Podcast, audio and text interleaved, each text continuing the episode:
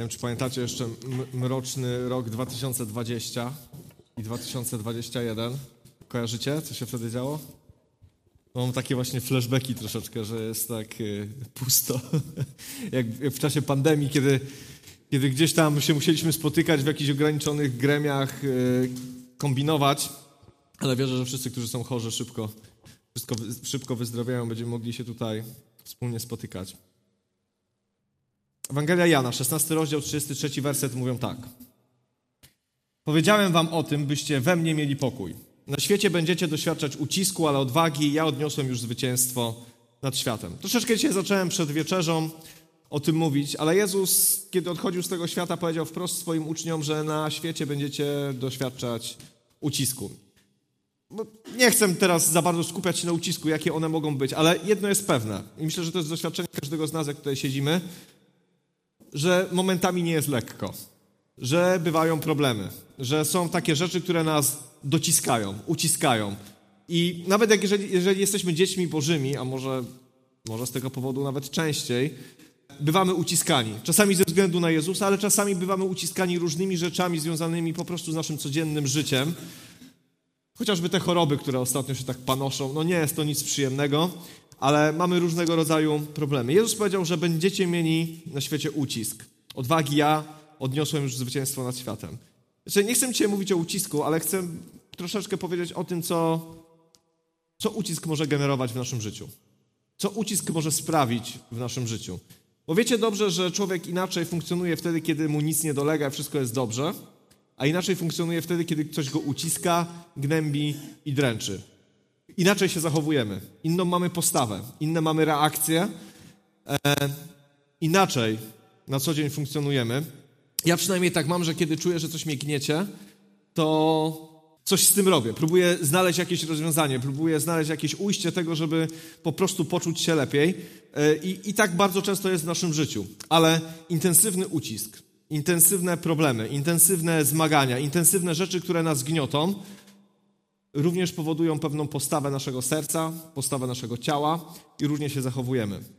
I myślę, że kiedy jest taki długotrwały ucisk i takie długotrwałe problemy, pojawia się coś takiego, co się nazywa desperacja. Kojarzycie? Desperacja. Są uciski i są uciski. Są takie momenty, w których mówimy, a to jeszcze nie jest tak źle, jakoś sobie damy radę, coś nas uwiera, coś nas denerwuje, ale zasadniczo da się z tym jakoś żyć. Ale są takie momenty, kiedy coś nas już tak gniecie i tak denerwuje i tak bardzo mocno uciska, że pojawia się w nas taka postawa, takie coś, co się nazywa desperacja. Desperacja, która powoduje różne zachowania. I wiecie, możemy mówić o desperacji w ten sposób, że to jest jakaś utrata nadziei, jakieś, jakaś forma rozpaczy. To też prawda, ale ja bym chciał się skupić na tym aspekcie desperacji, która objawia się w tym, że kiedy ludzie są zdesperowani, to są nieobliczalni w działaniu. To są postawieni w tak ekstremalnej sytuacji, że są w stanie podjąć ryzyko, którego by nie podjęli wtedy, kiedy by w tej ekstremalnej sytuacji nie byli postawieni. Że desperacja polega też na tym, że sytuacja jest tak zła, że myślimy sobie, a co mam do stracenia? Zrobię to. Gdybyśmy nie byli uciskani, gdybyśmy nie byli zdesperowani, to byśmy powiedzieli, w życiu tego nie zrobię. To jest zbyt ryzykowne. Ale są takie momenty, w których mówimy, trudno. Co się może jeszcze złego wydarzyć? Chciałbym wam przeczytać dwie historie na sam początek. Dwie historie z Ewangelii Łukasza. Jedna jest z 8 rozdziału 43 i 44 wersetu. Tę pewna kobieta, która przez 12 lat cierpiała na krwotok i wydała na lekarzy wszystko, co miała na swoje utrzymanie, a żaden nie potrafił jej uzdrowić, podeszła z tyłu, dotknęła frędzla jego szaty i jej krwotok natychmiast ustał. To jest jedna historia. Druga, Ewangelia Marka, 10 rozdział 46-48. Przybyli do Jericha, a gdy wychodzili z miasta, on, jego uczniowie oraz spory tłum, siedział przy drodze niewidomy żebrak Bartymeusz, syn Tymeusza. Na wieść o tym, że przechodzi sam Jezus z Nazaretu, zaczął wołać: Synu Dawida, Jezusie, zlituj się nade mną. I wielu próbowało go uciszyć. On jednak tym głośniej wołał: Synu Dawida, zlituj się nade mną. Dwie historie. E, dwie historie, no jakby tutaj Bartymeusz jest z imienia wymieniony, tej kobiety nawet nie znamy imienia. Widzimy dwie osoby, które były ekstremalnie uciśnięte. Znaczy w stopniu, który jakby ciężko nam sobie wyobrazić, znaczy może niektórzy są w stanie sobie to wyobrazić, bo przeżywają podobne rzeczy, ale ekstremalnie uciśnieni. Ludzie, którzy byli złamani. Kobieta, która przez 12 lat cierpiała na krwotok. Cierpiała na, na coś, co było nie tylko dolegliwością fizyczną, ale też było wykluczeniem ze społeczeństwa. Wiecie dobrze, że w Izraelu kontakt z krwią był zakazany. Osoby, które krwawiły, musiały żyć gdzieś na osobności. Często były, były trochę rzeczkę poza społeczeństwem. Wiązało się to e, z czystością rytualną. Kobieta przez 12 lat cierpiała na krwotok i wydała wszystko, co miała na lekarzy i nic jej nie pomogło. Mamy Bartymeusza, który był niewidomy. Nie wiemy zasadniczo, czy on był niewidomy od urodzenia, czy stracił wzrok, ale nie było rent, nie było emerytur, nie było y, miejsc pracy chronionej, nie było sposobności, żeby tacy ludzie mogli normalnie funkcjonować w społeczeństwie, więc siedzieli i żebrali, bo byli skazani tylko i wyłącznie na łaskę innych ludzi. Widzimy dwie osoby ekstremalnie uciśnione. I, i wiecie, kiedy ja czytam tę historię, to widzę w nich tą desperację, ten, ten, to zjawisko, które powoduje, że jeżeli jesteś podstawiony pod ścianą, jeżeli zdajesz sobie sprawę z tego, że jesteś postawiony pod ścianą i, i widzisz chociaż cień, chociaż malutką szansę na to, żeby odmienić swój los, to czytamy o tym, co ci ludzie robili. Oni byli zdesperowani. Myślę, że człowiek zdesperowany, tak jak oni, jak, jak te dwa przykłady, które były powyżej, nie myśli o tym, co powiedzą ludzie. Człowiek zdesperowany nie zastanawia się nad tym, co ci ludzie powiedzą. Wiecie, kiedy jest się chorym na coś 12 lat, albo kiedy się nie widzi i nie ma się perspektyw w swoim życiu, to mało nas interesowałoby prawdopodobnie to, co ludzie powiedzą na ten temat, bo pojawiła się szansa. Ci ludzie absolutnie w tym wypadku złamali konwenansa. Złamali konwenansę, bo przecież kobieta nie powinna dotykać mężczyzny, a już na pewno nie kobieta z krwotokiem i na pewno nie Mesjasza, Jezusa, znaczy Mesjasza, nie wszyscy go uważali wtedy za Mesjasza, ale tego proroka, do którego wszyscy się cisnęli, można było powiedzieć, że to nie wypada. Po prostu to nie wypada. Bartymeusz, no absolutnie nie wypada biec za Jezusem, krzyczeć, zlituj się nade mną, a kiedy go uciszali, to co zrobił? Nie powiedział, a dobrze, to przepraszam, tylko krzyczał jeszcze głośniej. E, wiecie, tak mi się wydaje, że człowiek zdesperowany, który stoi pod ścianą, który ma taką malutki cień nadziei, jest, a zrobi absolutnie wszystko, żeby skorzystać z tej możliwości. Że desperacja właśnie w tym się objawia, że podejmujemy ekstremalne ryzyko wtedy, kiedy widzimy, że jest minimalna szansa na odwrócenie naszej sytuacji, chociaż cały świat krzyczy, że to jest niemożliwe. I te dwie osoby dokładnie taką postawę miały.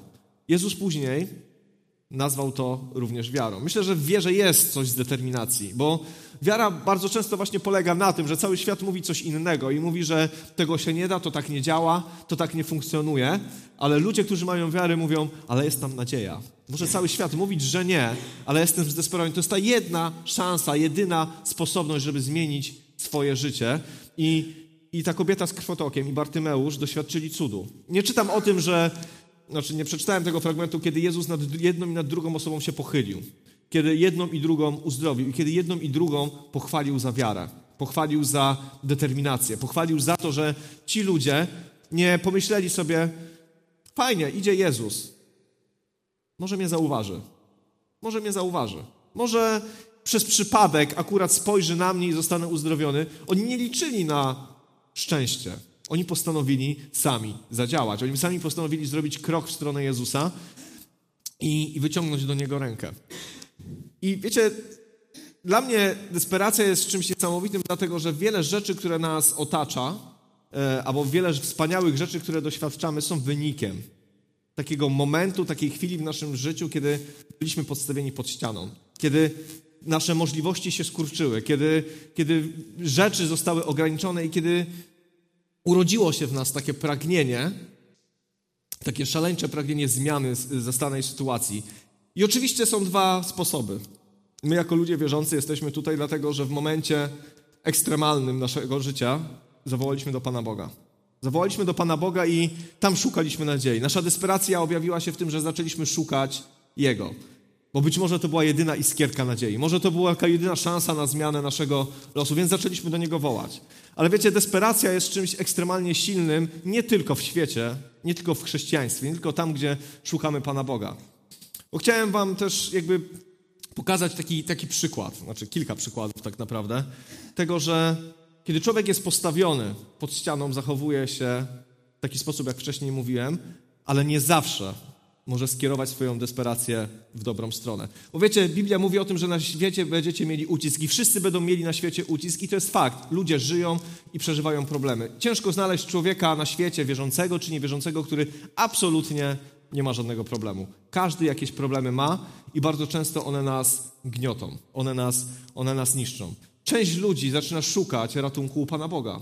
Zaczyna szukać w Chrystusie, zaczyna czytać Biblię, zaczyna obserwować rzeczywistość, ale niektórzy w akcie desperacji zaczynają szukać innych rzeczy.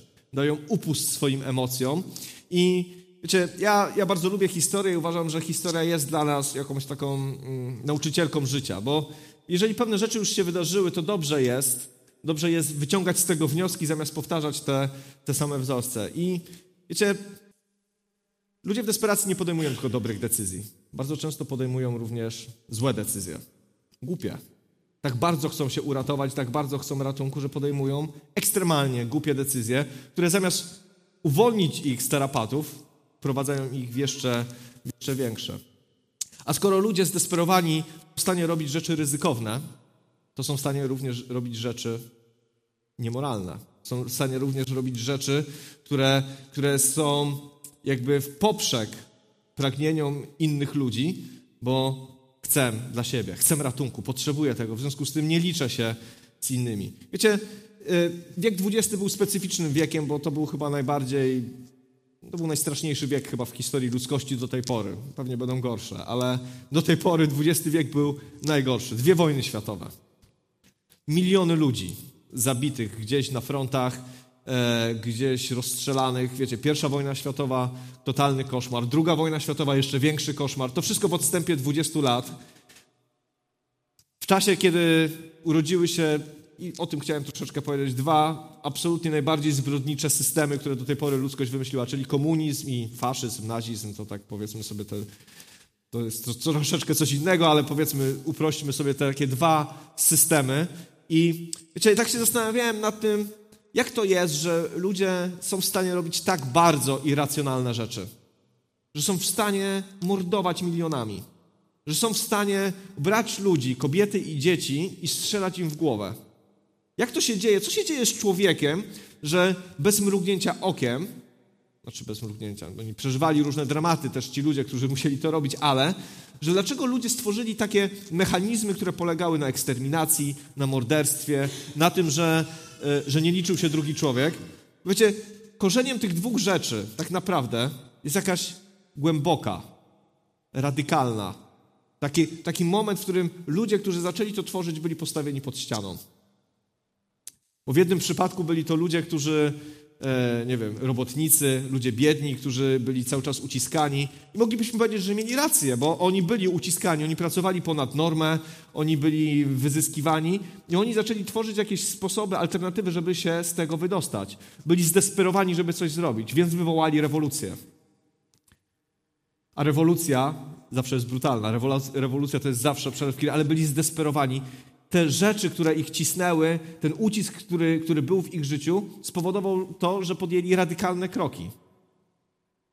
Tak samo było, jeżeli chodzi o, o te rzeczy związane z nazizmem czy, czy z faszyzmem. Tam też niesprawiedliwość, jakieś poczucie pogardy w stosunku do innych, jakieś kompleksy, jakieś, wiecie, wiecie jakaś taka podatność na, na, na manipulację spowodowana tym, że, że jesteśmy gorsi, że jesteśmy biedniejsi, że ktoś nas skrzywdził. To wszystko spowodowało, że ci ludzie byli postawieni pod ścianą i co zaczęli robić?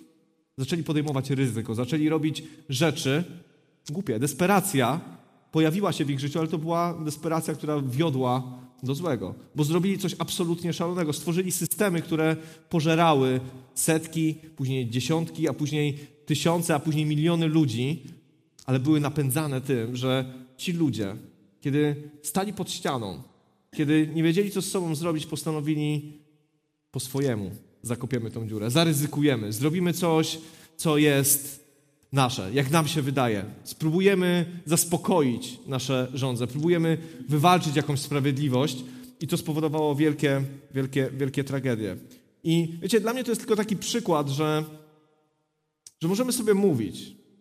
I bardzo często ludzie sobie mówią, tamci to są źli, tamci to byli źli, tamci to byli źli. Ale gdybyśmy się cofnęli w czasie i bylibyśmy tymi zwykłymi ludźmi, którzy tam są, w tamtych czasach, kiedy słuchamy tych krwawych dyktatorów.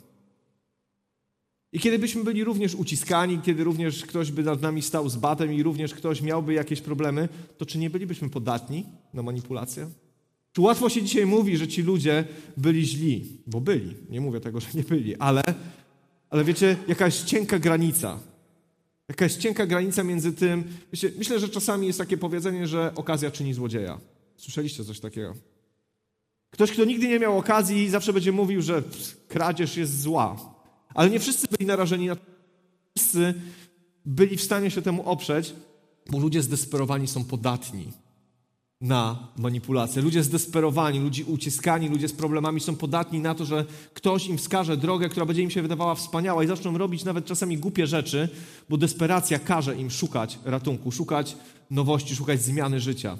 I wiecie, mówię o tym dlatego, że żyjemy w ekstremalnych czasach. Uważam, że my jako ludzie dzisiaj, jako chrześcijanie również żyjemy w ekstremalnych czasach. Jesteśmy uciskani. Może chrześcijanie w Pakistanie, w Kenii albo w innych miejscach, o których słyszeliśmy ostatnio, są uciskani w inny sposób. Bo są uciskani w inny sposób, bardziej fizyczny, bardziej namacalny, bardziej związany z tym cierpieniem fizycznym, ale czy my dzisiaj jako chrześcijanie w XXI wieku nie jesteśmy uciskani? Czy nie jesteśmy poddani różnego rodzaju próbom? Czy one czasami nie powodują w nas desperacji do szukania rozwiązań? Wiecie, Słowo Boże mówi tak, w liście do Rzymian w pierwszym rozdziale, 21-25 werset mówi tak. Poznali zatem Boga, nie oddali Mu jednak należnej czci. Nie okazali Mu też wdzięczności jako Bogu. Mnożąc wątpliwości, stali się w końcu niezdolni do trafnego osądu.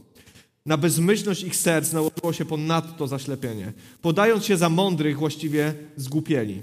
Zastąpili przy tym chwałę nieśmiertelnego Boga podobizną śmiertelnego człowieka, wyobrażeniami ptaków, ssaków oraz płazów. Dlatego Bóg wydał ich na pastwę rząd ich własnych serc.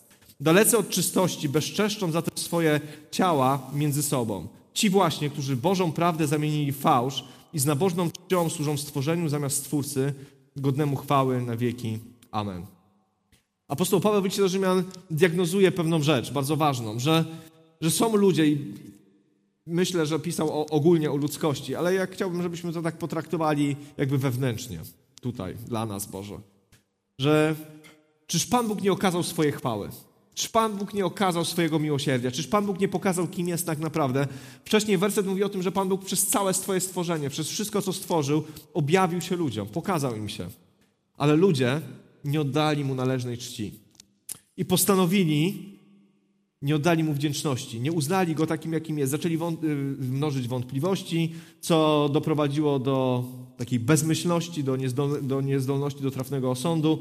To się nałożyło na bezmyślność, na zaślepienie, na zgłupienie. Wiecie, i to jest jakiś taki proces, który myślę, że występuje nie tylko, kiedy patrzymy na ten świat i mówimy, jak ten świat błądzi.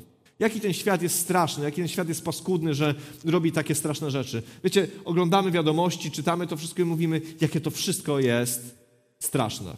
Dlaczego ludzie robią takie rzeczy? Sobie nawzajem. Wiecie, to jest przerażające, ale jest w nas, przez to, że świat, tak jak mówił ostatnio Piotr w czwartek, świat jest skażony tym grzechem, tym, tym poczuciem, że my będziemy decydować o swoim życiu, że my będziemy wybierać, co jest dobre, a co jest złe, że to my będziemy ustanawiać pewną sprawiedliwość, pewne normy, które okazują się zawsze fatalne i zawsze to źle prowadzi, ale jest w nas, jako ludziach, jakieś takie, taka rzecz bardzo mocna, że kiedy my żyjemy po prostu na tym świecie na co dzień, poprzez różnego rodzaju uciski, poprzez różnego problemy, zmagania, dochodzimy do miejsca zdesperowania. I ludzie zdesperowani zaczynają podejmować decyzje.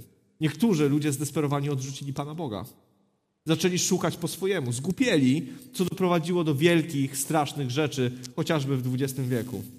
I wiecie, dla mnie, dla mnie desperacja jest czymś takim, co. Kiedy sobie myślę o tym, może inaczej, kiedy sobie myślę o tym, że czy to jest dobre, czy złe, to dobrze jest być zdesperowanym, czy źle? Wydaje mi się, że to jest taka ekstremalna sytuacja. Że desperacja to już jest coś ekstremalnego. To nie jest, że mógłbym albo nie mógłbym. Desperacja mówi, że ty musisz. Ty musisz coś z sobą zrobić. Musisz się jakoś zachować. Sytuacja jest tak kryzysowa, że musisz na to zareagować. Nie ma czasu na zastanawianie się, może zrobię, może nie zrobię, tylko czujesz, że to jest ta chwila i ten moment. Musisz, musisz zadziałać. Wiecie, wydaje mi się, że tak jak Pan Bóg pochwalił Bartymeusza i tą kobietę z krwotokiem, Pan Bóg, Jezus pochwalił ich, to wydaje mi się, że ta postawa jest ważna dla nas jako dla, dla chrześcijan. Że, że taka, taka postawa desperacji jest bardzo ważna. Ewangelia Mateusza 26, 37, 39 czytamy tak o Jezusie. Wziął ze sobą Piotra i dwóch synów Zebedeusza. Ogarnęły go smutek i trwoga. Jest mi smutno na duszy, powiedział. Śmiertelnie smutno. Zostańcie tutaj, czuwajcie ze mną. Znów odszedł nieco dalej. Upadł na twarz, modlił się. Ojcze mój, jeśli to możliwe, niech mnie ominie ten kielich, jednak nie tak, jak ja chcę, niech będzie, jak chcesz Ty. Czy kiedy czytam o, o Jezusie, kiedy czytam o tym, jak Jezus żył i kiedy czytam o tym, jak, co dla nas zrobił, to widzę taką właśnie postawę. Widzę postawę człowieka, który był człowieka, Boga, ale w tym wypadku człowieka, który był absolutnie zdesperowany, żeby zrobić coś najważniejszego. Bo wiecie, żeby być zdesperowanym, to trzeba mieć ogląd sytuacji. Trzeba zdać sobie sprawę z tego, że sytuacja jest kryzysowa, że jest fatalna. Bo dopóki sobie nie zdamy z tego sytuacji, że jest źle, to ciężko o o, tak, o, taką determinację w naszym życiu, o taką desperację, żeby coś z tym zrobić, musi nas, musimy się zderzyć z faktami. Musimy się zderzyć z rzeczywistością, żeby sobie uświadomić, że oho, jest źle. Myślę, że kobieta z krwotokiem Bartymeusz byli absolutnie świadomi, że to nie będzie jakoś tak, tylko że oni radykalnie potrzebują zmiany życia, bo tak dalej być nie może, bo to jest najfa- najfatalniejsze miejsce, w którym mogą się znaleźć. I wiecie, myślę, że kiedy Jezus przyszedł na świat i w ogóle ten wspaniały plan zbawienia jest tak, jest taki wyrazisty, taki mięsisty i to, co Jezus zrobił jest takie mocno namacalne, dlatego że Pan Bóg wiedział, że sytuacja jest dramatyczna. Że ludzie żyją w grzechu i to jest dramatyczne że ludzie nie znają Boga, jest to dramatyczne, że ludzie kiedyś staną przed Bogiem, będą zweryfikowani negatywnie ze względu na swoje uczynki, bo go odrzucili i to jest dramatyczne i trzeba coś z tym zrobić. Kiedy czytam o służbie Jezusa, widzę absolutną desperację w ratowaniu ludzi. Widzę absolutną desperację w tym, żeby, żeby służyć, żeby uzdrawiać, żeby ratować, żeby nieść dobrą nowinę. Jezus chodził po wioskach, nie spał, głosił, cały czas coś robił. Dlaczego? Dlatego, że no właśnie, żeby, żeby się przypodobać ludziom, żeby ludzie go pochwalili. Część chwaliła, część nie chwaliła. E, różnie to było. Część była zachwycona, a część wyzywała go od Belzebubów, ale Jezusowi nie o to chodziło, żeby ktoś go chwalił. Jezusowi, chodziło o to, żeby ludzie zetknęli się z Bożą mocą, zetknęli się z Bogiem, żeby przebywali, zaczęli przebywać w Bożej obecności, żeby uświadomili sobie, że przyszło światło na świat i teraz można coś zrobić. Jezus był absolutnie zdesperowany, żeby dotrzeć do ludzi, dotrzeć, dotrzeć do ich serc. Wymyślał przypowieści o barankach, o, o, o, o jakiejś tam pszenicy. On to wszystko robił po to, żeby do ludzi dotrzeć. Nie po to, żeby nam zostawić ciekawe historie do opowiadania, ale on chce dotrzeć do ludzkiego serca. I kiedy czytam fragment z Ewangelii Mateusza, ten, który przed chwilą przeczytałem, jest mi smutno na duszy, powiedział, śmiertelnie smutno. Widzimy skalę tego jak bardzo Jezus był zdesperowany, żeby zrobić to, do czego został powołany. Było mu smutno śmiertelnie. Był, upadł na twarz. Modlił się słowami, które moglibyśmy powiedzieć, czuć w nich ból. Jeżeli to jest możliwe, to zabierz ode mnie ten kielich. Jezus wiedział, jaką cenę przyjdzie mu zapłacić za to, żeby ratować świat, który jest postawiony w desperackiej sytuacji.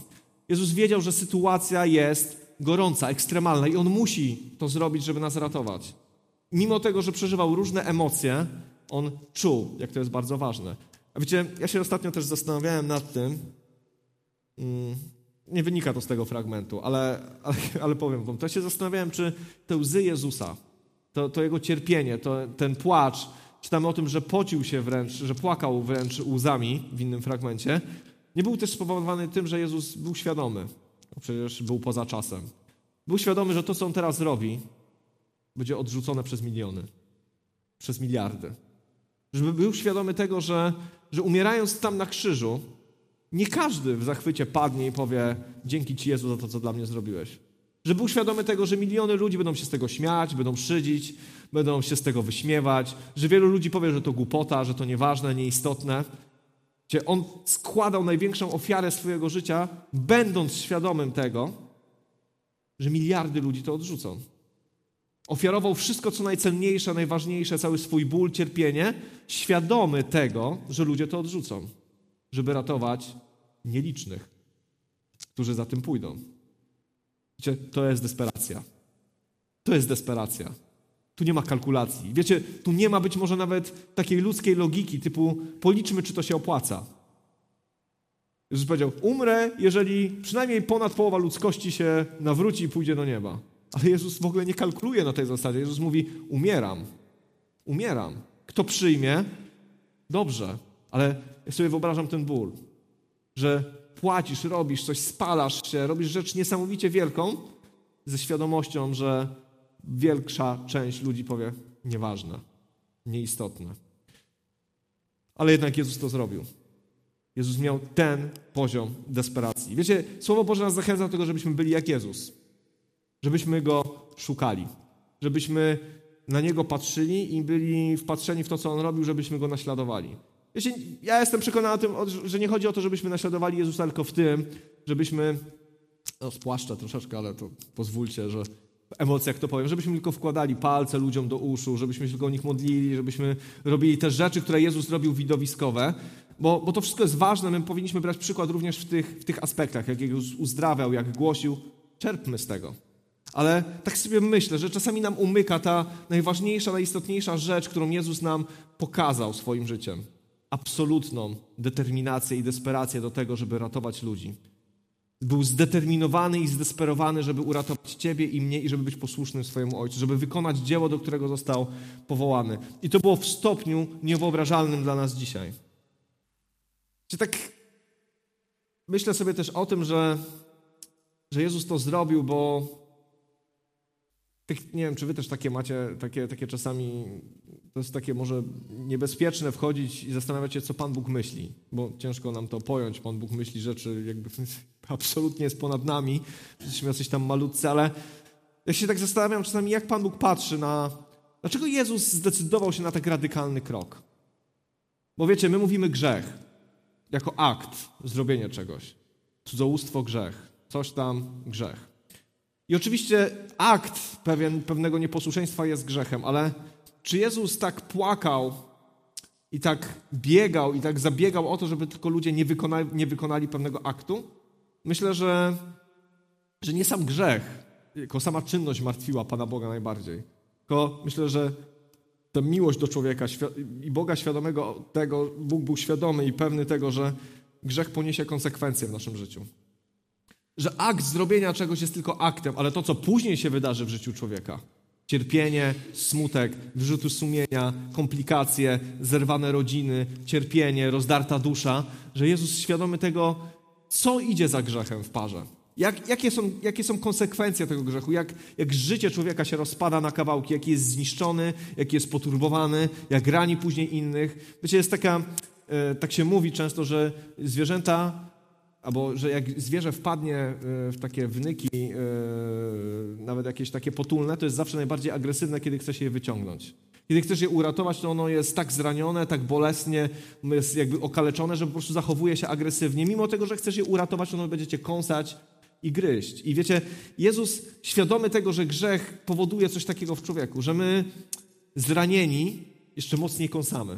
Że grzech generuje grzech. Jak jesteś, jak zgrzeszysz, to jesteś później taki, taki, taki wiecie, taki rozgoryczony, taki zły. Jak ktoś ci coś powie, zwróci uwagę, to ty jeszcze na niego, to generuje kolejne nieprzebaczenie, kolejną złość. Wiecie, taka sztafeta smutku, taka sztafeta upadku. I Jezus, widząc to wszystko, zdecydował się nas ratować. I wiedział, że cenę, którą my płacimy, jest tak wielka, że, że potrzebny jest radykalny krok. Kiedy sobie myślę o tym, jak, jak, jak grzeszny jest grzech, jakie negatywne skutki niesie w naszym życiu, to widzę, jak bardzo mocna, gorąca i zdeterminowana musiała być miłość Jezusa. Bo wiecie, dobrze, sami znacie to na własnym przykładzie, jak ciężko walczy się z grzechem, jakie to jest dziadostwo. Jak to głęboko wnika w nasze serce, w naszą głowę, w nasz umysł, jak, jak ciężko to wyrwać z korzeniami, jak, jak próbujemy czasami po ludzku z tym walczyć, jak bardzo jesteśmy skazani na porażkę. I, I Chrystus musiał zapłacić aż taką cenę. Musiał cierpieć aż takie rzeczy. Musiał zrobić, przeżyć wewnętrznie aż tak złe rzeczy, dlatego że ten grzech jest aż tak bardzo paskudny. Absolutny poziom desperacji. Księga Michała, 7 rozdział 18-19 mówi tak. Któż jest jak ty, o Boże, który przebaczasz winę i przechodzisz, i przechodzisz ponad występkiem reszty swego dziedzictwa. Nie chowasz na zawsze gniewu. Tak, Twą rozkoszą jest łaska. Zmiłujesz się nad nami ponownie, pokonasz nasze winy, wrzucisz w głębiny morza wszystkie nasze grzechy.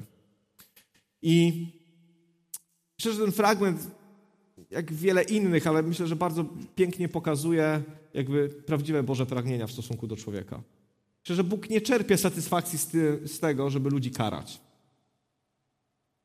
Stworzył się jakiś taki dziwny obraz, myślę, że w naszym społeczeństwie, że Bóg czerpie jakąś satysfakcję z tego, żeby ludzi karać za to, że zrobili coś złego, zsyłać na nich te choroby, te wszystkie dziadostwa, te, wiecie, te powodzie, te różne rzeczy. A prawda jest taka, że Pan Bóg chce przebaczać winy. Chce oddalać od nas nasze grzechy. Oczywiście są konsekwencje grzechu, ale Bożym pragnieniem jest to, żeby ludzie mogli dostępywać zbawienia. Nie po to wykonało się na krzyżu to, co się wykonało, żeby teraz Pan Bóg chciał jeszcze dodatkowo nam dokładać, bo jest możliwość zbawienia i Pan Bóg chce, żeby łaska była hojnie rozdzielana dla tych, którzy do Niego przyjdą, dla tych, którzy będą wołać, żeby nasze winy były wyrzucone w głębiny, żeby były zapomniane. I wiecie, dla mnie to jest bardzo ważne, dlatego że ja się zastanawiam. Zastanawiam się nad tym, gdzie jest moja desperacja i jak ona się objawia. Jak ona się objawia w moim życiu? Czy, czy ona w ogóle występuje? Czy, czy mam obraz sytuacji? Czy jestem świadomy tego, w jakim świecie żyję? Czy jestem zderzony z faktami i z rzeczywistością? Bo wiecie, wydaje mi się, że diabeł chce też zrobić coś takiego w naszym życiu, żeby do nas nie dotarło przypadkiem, że sytuacja jest krytyczna. Żebyśmy sobie ciągle wmawiali, nie jest tak źle, przestań wariować. Po co ryzykować? Po co robić takie rzeczy? Po co się tak spalać? Przecież nie jest tak źle. Patrz, żyjecie, robicie sobie różne rzeczy. Może się ktoś kiedyś nawróci, a może się nie nawróci. Po co, tak, po co tak wariować? Wiecie, myślę, że diabeł chce zrobić wszystko, żebyśmy się nie zderzyli z faktami, jakie są. I myślę, że Jezus swoim życiem pokazał, że, że, że, trzeba się zderzyć z faktami i trzeba na nie zareagować radykalnie, mocno i ostro. Kiedy czytam dzieje apostolskie, a ostatnio się przygotowałem, tak razem jak Mariusz, dzieje apostolskie czytaliśmy, żeby się przygotować do tego, co było tutaj w kościele, to widzę w tych ludziach, którzy wtedy działali, taką absolutną desperację. Oni zobaczyli, że teraz jest szansa, że teraz jest ratunek. Jesteśmy zdesperowani, żeby wszystkim powiedzieć, bo w końcu jest szansa, żeby się wyrwać z tego nędznego stanu, z tego grzechu. W końcu być wolnymi ludźmi i oni nie kalkulowali. Znaczy, pewnie momentami kalkulowali, ale widzimy po efektach ich zachowania, że, że to przyniosło wielkie owoce, dlatego że byli zdeterminowani, żeby robić pewne rzeczy. I wiecie, dla mnie, dla mnie to takie poczucie, że, że, że gdzieś czasami znika w nas to, jako ludziach wierzących. Znika w nas desperacja. Jak nam się wydaje, że to nie jest tak źle z tym grzechem, jakoś tam się przekulamy. No dobra, tam trochę może grzeszę, może trochę mam jakieś problemy, tam nie radzę sobie z tym czy owym, jakoś to tam, jakoś to tam będzie. Jakoś się z tego yy, wygrzebie prędzej czy później. Albo jak się nawet nie wygrzebie, to co tam? Nikt tego nie widzi, nic takiego się nie dzieje. Wiecie, myślę, że diabeł dzisiaj nie przychodzi do nas z rogami i nie każe nam składać ofiar w lesie.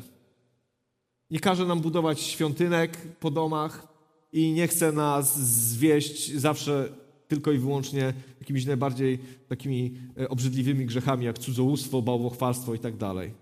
Wiecie, ale będzie przychodził do nas, będzie zabijał w nas determinację, będzie mówił, że wcale ten świat nie jest, to wszystko nie jest tak jak w Biblii na ostrzu noża wszystko postawione, że to jest niebo i piekło, grzech i śmierć, i że, że nie ma życia wiecznego. Wiecie, to wszystko trochę taka, taka przenośnia, symbolika jest.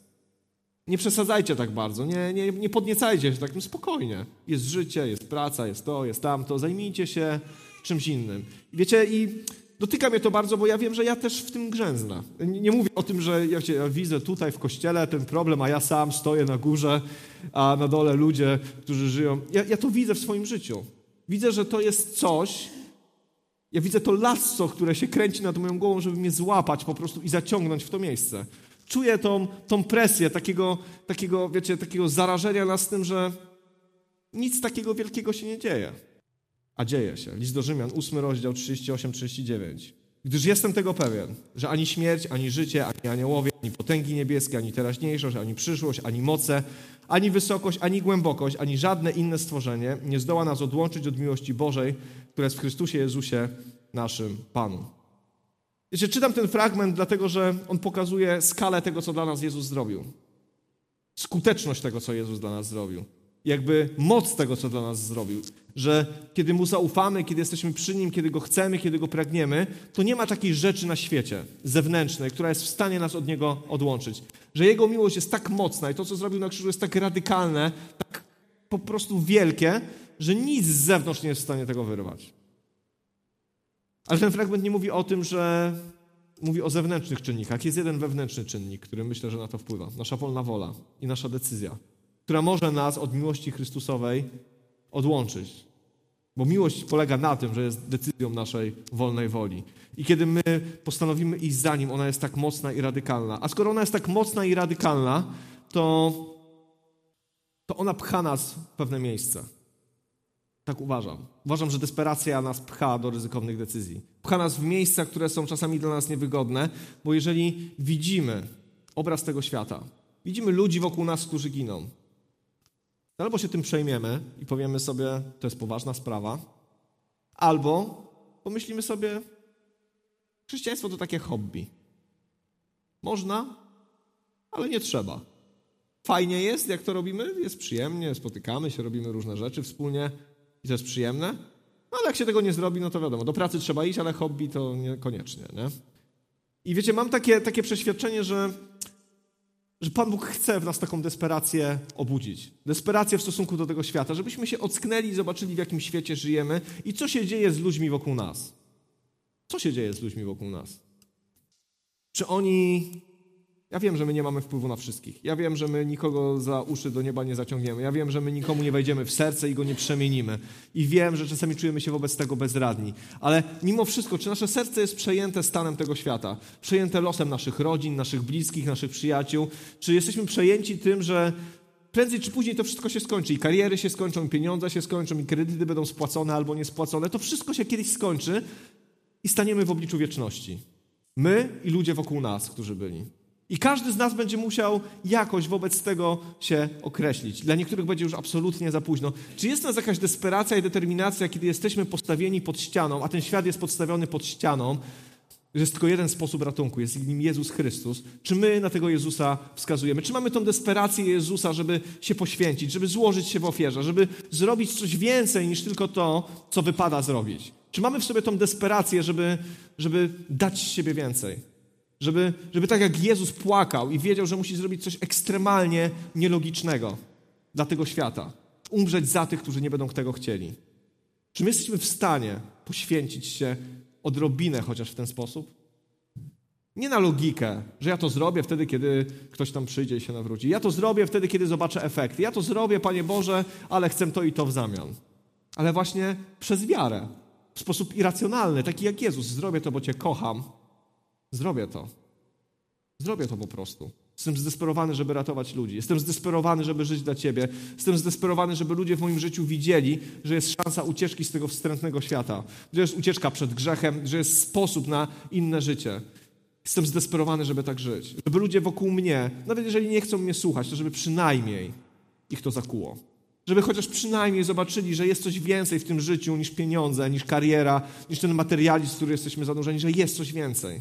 Czy mamy tą determinację, tą, tą, tą desperację, żeby ten świat ratować? Wiecie, bo jeżeli my tego nie mamy, jeżeli my tego nie mamy, to może od czasu do czasu kogoś zainteresujemy naszym hobby kościelnym. Bo może ktoś też ma takie podobne skłonności, też by się chciał gdzieś pospotykać i coś takiego porobić. Potrzebuje społeczności. Potrzebuje przyjaciół, ludzi, chce sobie dobrej muzyki posłuchać. Może kogoś zainteresujemy swoim hobby, ale my nie głosimy hobby, my głosimy coś, co radykalnie zmienia życie i coś, co mówi o wieczności. Mówimy o Chrystusie, który umarł na krzyżu za każdego człowieka, za największego bandytę i zbrodniarza, po to, żeby go ratować i dać mu życie wieczne. My to głosimy. My o tym mówimy. O tym mówi nasze życie. O tym powinno mówić nasze życie. I wiecie, dla mnie dla mnie przychodzi taki czas, chyba do mojego życia, ale nie wiem, czy może też do waszego, że ja obserwując to, co się dzieje na świecie, obserwując moje życie, obserwując też może życie naszego Kościoła, mam wrażenie, że coraz bardziej jesteśmy postawieni pod ścianą i musimy się opowiedzieć, co z tym zrobimy. Bo oczywiście jest taka alternatywa, że będziemy sobie wmawiać, że wcale tej ściany nie ma i wcale można. Nie, nie, nie uważam, że można żyć tak dalej. Bo to się nigdy dobrze nie kończy. Wiecie, oszustwo skończy się tym, że pójdziemy w maliny i, i tam się dopiero ockniemy. Nie wiem, może już dla niektórych będzie za późno, oby, oby nie. Ale jedno jest pewne, że musimy sobie uświadomić, że to, do czego Pan Bóg nas powołuje, to, w czym żyjemy, to, co nam dał, nasze talenty, umiejętności, zdolności, wszystko to, kim jesteśmy, tam, gdzie jesteśmy postawieni w naszej pracy, czy gdziekolwiek jesteśmy, jest po coś. Jest po coś, jest po to, żeby Boża chwała się w nas objawiała, żebyśmy mogli mówić ludziom o Chrystusie. Czy jesteśmy zdeterminowani, żeby o tym mówić, żeby tak żyć? Wiecie, ja zadaję sobie to pytanie. Sobie zadaję to pytanie, bo kiedy wracam z pracy, to jestem otoczony wieloma różnymi rzeczami, które, które mnie bardzo interesują. Jest kilka książek nieprzeczytanych, ileś tam seriali poleconych w pracy. Naprawdę. To wszystko jest. I to jest wszystko kwestia wyboru. Bo, bo myślę, że, że my jako ludzie wierzący widzimy koniec pewnych rzeczy. Nam zostało to objawione. Nam został objawiony y, rzeczywisty kształt tego świata i, i plan dla tego świata. Ci ludzie tego nie wiedzą, dlatego zachowują się jak zachowują, ale my wiemy, jak to się wszystko skończy. Pan Bóg przed nami tego nie chował. Pan Bóg nam mówi, dlaczego ludzie się zachowują tak, a nie inaczej i czego to jest wynikiem grzechu. Pan Bóg nam mówi, skąd się ten grzech wziął. Pan Bóg nam mówi o grzesznej naturze. Pan Bóg nam to wszystko mówi. My to wszystko wiemy. My jesteśmy ludźmi, którzy żyją. Nie jesteśmy nieświadomi. My to wiemy. Bo my czytamy Biblię, więc my wiemy, dlaczego ten świat jest tak zły, jak jest i dlaczego idzie w taką stronę, w jaką idzie i wiemy, dlaczego pewne rzeczy się dzieją. Pytanie jest takie, czy jest w naszym sercu desperacja, żeby to zmienić? Żeby wyrwać tych, których da się wyrwać? Czy jesteśmy w stanie zrobić to, co Jezus? Wiecie, ja to pytanie sobie zadaję. Chciałbym być jak Jezus, nie ukrywam. Trochę mnie to przeraża. Trochę mnie to przeraża. Ale w gruncie rzeczy, czy, czy nie modlimy się o to, żeby być prawdziwymi chrześcijanami? Często modlimy się, Panie Boże, chcę Ciebie znać takiego, jakim Ty jesteś. Śpiewamy pieśni bardzo odważne. Myślę, że przychodzą takie momenty w naszym życiu, że albo się za tym opowiemy, staniemy i zaczniemy krzyczeć jak Bartymeusz, Jezus, zlituj się nade mną, bo to jest ta szansa. To jest ta szansa. Jezus jest moją szansą. Biegnę za Nim, chcę dla Niego żyć. To niesie skutki w moim życiu. Ludzie będą mówić, przestań, zamilknij, już się nie odzywaj, nie gadaj głupot, zachowuj się. Widzisz, wszyscy są normalni, Ty się zachowujesz jakoś dziwnie. Mówisz jakieś, jakieś, głosisz jakąś moralność, mówisz o Bogu, uspokój się. On się nie poddał, bo wiedział, że to jest jedyna nadzieja. Czy dla nas Chrystus jest dzisiaj jedyną nadzieją? Bo jeżeli nie, to nie będziemy zdeterminowani. Ta nasza determinacja rozpłynie się między Chrystusem a pieniędzmi. Chrystusem i karierą. Chrystusem i przyjemnościami. Jeżeli, jeżeli nie uświadomimy sobie z tego, że dla nas nie ma innej wspanialszej rzeczy niż Chrystus, Jego zbawienie i to, co On do nas powołał, to nie będziemy tak zdeterminowani, żeby do Niego żyć. Będziemy mieli alternatywy. Będziemy mieli alternatywy. Może to jest radykalne, ale wiecie, nie wiem, czy wy tak macie, ale ja czasami mam, dla swojej wygody tworzę sobie alternatywne historie w głowie. Może Pan Bóg tak nie powiedział, może to wcale nie jest tak, może Dawid przesadzasz, a może wyluzuj, a może coś tam, coś tam. Ja tak mam. A wiecie dlaczego tak robię? Bo się boję. Bo się boję. Bo się boję zrobić tego kroku wiary. Bo się boję zaufać Panu Bogu w taki sposób, że stracę nad tym kontrolę. Tworzę sobie historie, które powodują, że chcę mieć ciągle kontrolę nad tym, co Pan Bóg robi w moim życiu. Że ciągle chcę to kontrolować swoimi rzeczami. Wiecie, ale kiedy zastanawiałem się nad tym, jak Jezus się zachowywał jak, co On zrobił z miłości, to wtedy zaczynam sobie zadawać pytanie, a co ja robię z miłości dla Niego? On to zrobił z miłości dla mnie osobiście, z miłości dla ludzi zgubionych, a co ja robię z miłości dla Niego? Jaką płacę cenę? Ja mam dobre życie. Naprawdę, tak po ludzku mam świetne życie. Mam wspaniałą rodzinę. Nie cierpię biedy. Mam wszystko, czego potrzebuję, prawie. Jest super. Ale co ja robię z miłości dla Chrystusa? Jezus z miłości dla mnie zrobił coś, co wykraczało poza Jego wygodę. Komfort. Umarł po prostu za mnie. Śmiercią po prostu straszliwą. Wykroczył poza strefę komfortu, a my dzisiaj tak często kochamy Pana Boga do strefy naszego komfortu. Do tej granicy. I wtedy jest, o, o, dalej, za bardzo boli. A później mamy w swoim życiu to, co mamy. Czy ucisk, który spotyka cię dzisiaj w twoim życiu jest tym uciskiem, który będzie cię przekieruje cię w stronę Pana Boga? Ja wiem, że my przeżywamy trudne rzeczy. Każdy z nas, mniejsze lub większe. I dla każdego z nas ucisk, który przeżywa, jest akurat najbardziej uciskowym uciskiem, który istnieje. Bo tak to działa. Ale czy to, co dzisiaj się dzieje w naszym życiu, bo Jezus powiedział, ucisk mieć będziecie, ale nie bójcie się, ja zwyciężyłem świat. Będziecie mieli ucisk. I wiecie, ja chciałem was dzisiaj zachęcić do tego. Chciałem dzisiaj nas zachęcić do tego, żeby ten ucisk, który teraz przeżywamy w naszym życiu, żeby on wygenerował w nas determinację, żeby przyjść do Chrystusa. Żeby zderzyć się z faktami, żeby zobaczyć, w jakim świecie żyjemy, w jakiej Bożej realności żyjesz i funkcjonujesz. Co jest tak naprawdę ważne, a co nie. Chciałbym, żebyśmy się o to dzisiaj modlili. Jeżeli masz dzisiaj to pragnienie w swoim sercu, że, że czujesz, że trochę się zanurzyłeś w tym wszystkim, że tak paplasz się w tym bagienku, że Trochę płyniesz tak pod prąd, że tu jest pomost, ty chcesz do niego dopłynąć, ale ciągle ten prąd cię znosi. Chciałbym, żebyśmy się dzisiaj o to modlili. Bo ja wierzę, że dzisiaj jest czas łaski, dzisiaj jest czas zbawienia, dzisiaj jest czas, żeby Pan Bóg pewne rzeczy w nas budził i pewne rzeczy w nas robił. Jeżeli czujesz, że w twoim życiu nie ma desperacji dla Pana Boga, że to wszystko takie jest, no można by, ale bez przesady, jak się nie zrobi, to się nic nie stanie. To jest, to jest lampka alarmowa dla nas. To jest lampka alarmowa dla mnie. Że można by było, ale jak się nie zrobi, to się nic nie stanie. To jest pierwszy krok do tego, że zaczną się dziać rzeczy trudne. Dlatego chciałem, żebyśmy się dzisiaj o to modlili. Że jeżeli masz to poczucie, że potrzebujesz po prostu błogosławieństwa, potrzebujesz wsparcia, potrzebujesz tego, żeby ktoś się o ciebie pomodlił, położył na ciebie ręce, że, że chcesz więcej determinacji, więcej desperacji w swoim życiu, że, że uciski, które przeżywasz, chcesz, żeby przemieniły się na Bożą chwałę, albo jest ci po prostu ciężko, bo już nie dźwigasz tego wszystkiego i nie wiesz, co z tym zrobić, chcemy się dzisiaj modlić. Chcemy dzisiaj błogosławić, bo jesteśmy Kościołem, po to jesteśmy tutaj razem wspólnie, żeby się za siebie wstawiać, żeby się o siebie modlić, żeby się wspierać, żeby się zachęcać żebyśmy mogli stawać się coraz bliżej, coraz bardziej podobni Chrystusowi. W tych pięknych aspektach Jego służby, ale też w tych, które kosztują. Bo Pan Bóg nas stawia. Ja wierzę, że każdy z nas jest misjonarzem. Tam, gdzie jesteśmy. Przecież Pan Bóg nas postawił, nas ukochał, wybrał. On nam zaufał.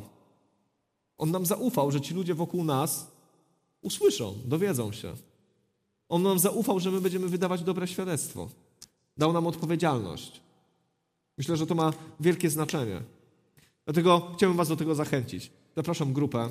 Chodźcie, zaśpiewamy jeszcze jedną pieśń, pewnie w międzyczasie zbierzemy kolektę, ale chciałbym, żebyśmy powstali. Panie Boże, dzisiaj stoimy przed Tobą. Dzisiaj stoimy przed Tobą, Panie, i i znasz nasze serca, Boże. Ja wiem, że jesteś Bogiem pełen, pełnym miłosierdzia, Boże, że tak jest, jak jest napisane w księdze Michała, Boże. Przebaczasz nam nasze winy, chcesz udzielać swojej łaski, Panie. I widzisz, Boże, w jakim dzisiaj miejscu jesteśmy, Panie. My Twojej łaski dzisiaj potrzebujemy ekstremalnie, Boże.